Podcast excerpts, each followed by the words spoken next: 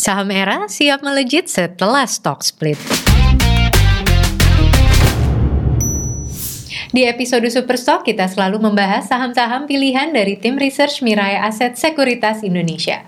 Dan kali ini satu saham datang dari sektor trade and investment yaitu perusahaan Era Jaya Swasembada Tbk.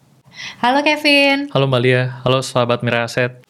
Oke Kev, hari ini kita akan membahas saham era nih yang konon katanya naik cantik puluhan persen sejak setahun kemarin. Mungkin bisa diceritakan sedikit background bisnis dari perusahaan Era Jaya Swasembada ini.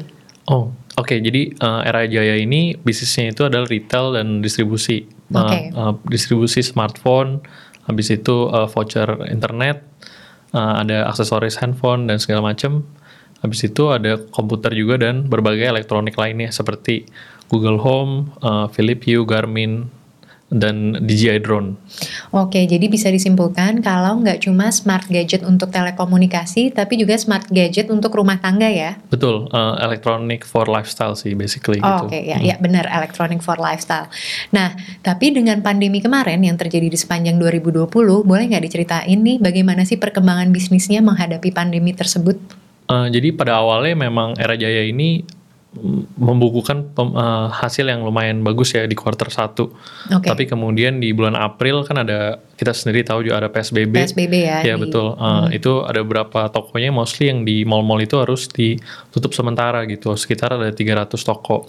Oke, jadi di kuartal kedua ada 300 toko yang ditutup ya. Betul. Habis okay. itu lanjut mereka buka lagi di bulan Juli. Nah, di situ uh, penjualan mulai rebound gitu Oh, Oke, okay. jadi kita bisa lihat adanya recovery itu sejak kuartal 3 ya? Uh, betul. Nah, apa sih sebenarnya yang mendorong recovery yang terjadi di kuartal 3 untuk si era ini? Bisa kita lihat uh, penjualan era memang ditopang oleh uh, cellular phone, smartphone 75,5 persen. Keduanya itu voucher 11,9 persen.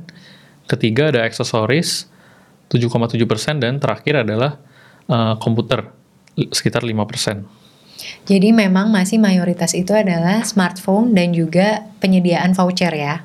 Betul. Berdasarkan data per 30 September 2020, penjualan era memang seperti yang saya tadi bilang eh, masih ditopang oleh penjualan telepon seluler atau smartphone. Smartphone ini kontribusinya sekitar uh, 17T.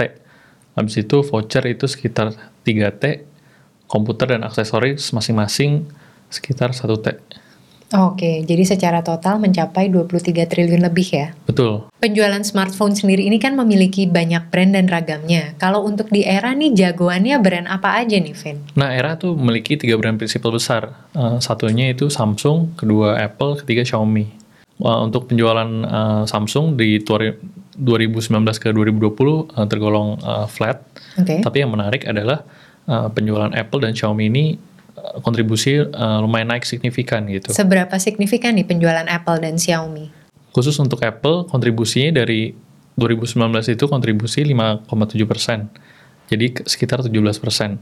Untuk Xiaomi itu dari uh, sekitar 7 persen menjadi 13 persen gitu. Jadi masing-masing kenaikannya hampir 100 persen lebih ya? Betul. Menariknya dari data yang kita lihat tadi, kontribusi Apple dan Xiaomi kan naik tuh. Uh, penjualan uh, era sebenarnya turun lumayan signifikan secara volume.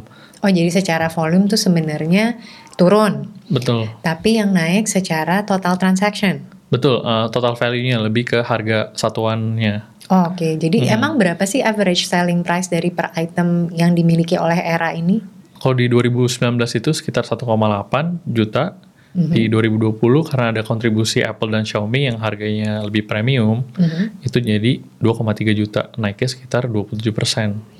Jadi bisa kita simpulkan ya, Kev ya, kalau memang target marketnya era ini adalah middle to upper class income. Iya, middle to upper class income. Yang mungkin memang secara income ini tidak banyak terlalu terpengaruh di masa pandemi begitu. Iya, betul. Jadi uh, waktu quarter 2 memang tokonya banyak yang tutup, quarter. 3 ketika banyak toko yang buka dan era pun udah buka toko online.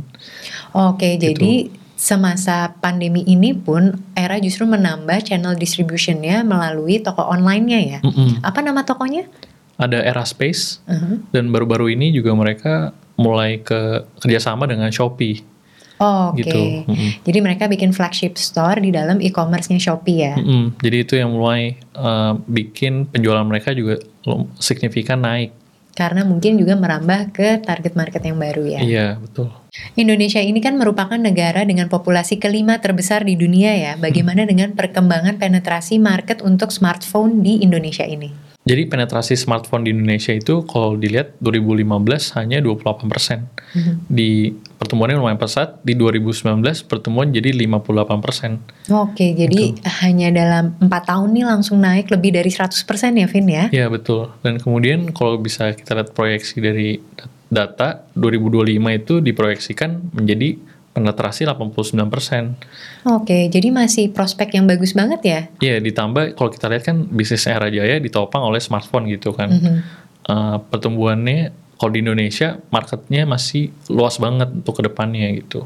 Dengan potensi perkembangan pasar smartphone di Indonesia yang sangat potensial, tentunya banyak nih persaingan bisnis. Bagaimana strategi era menghadapi persaingan bisnis tersebut?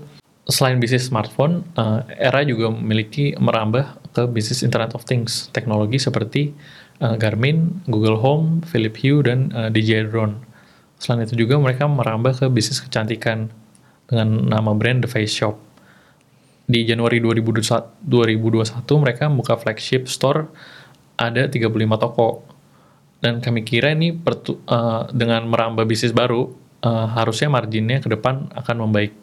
Oke, jadi dengan variasi bisnis baru juga mempertebal margin ya? Betul. Sebagai tambahan informasi, eh, juga Era diuntungkan oleh adanya implementasi IMEI. Di tahun lalu ini September 2020, Kementerian Perhubungan itu mengimplementasikan IMEI ini untuk memblokir handphone-handphone ilegal. Jadi kita tahu kan handphone ilegal itu Ada di harganya lebih murah. market juga ya? Betul. Oke. Harga lebih murah. Jadi ini sebenarnya melawan si Era Jaya untuk harus nurunin harga juga gitu dan Oke. dengan mereka memblokir handphone-handphone black market ini sebenarnya membantu Era Menaikkan penjualan ya? Menaikkan jadi penjualan. kayak customer tidak memiliki pilihan lain selain memberi di distributor-distributor yang resmi ya? Betul. Dengan adanya implementasi IMEI, Era justru memperkuat eh, posisi eh, distribusi dia nih untuk penjualan handphone brand Samsung di area Jakarta dan Sulawesi.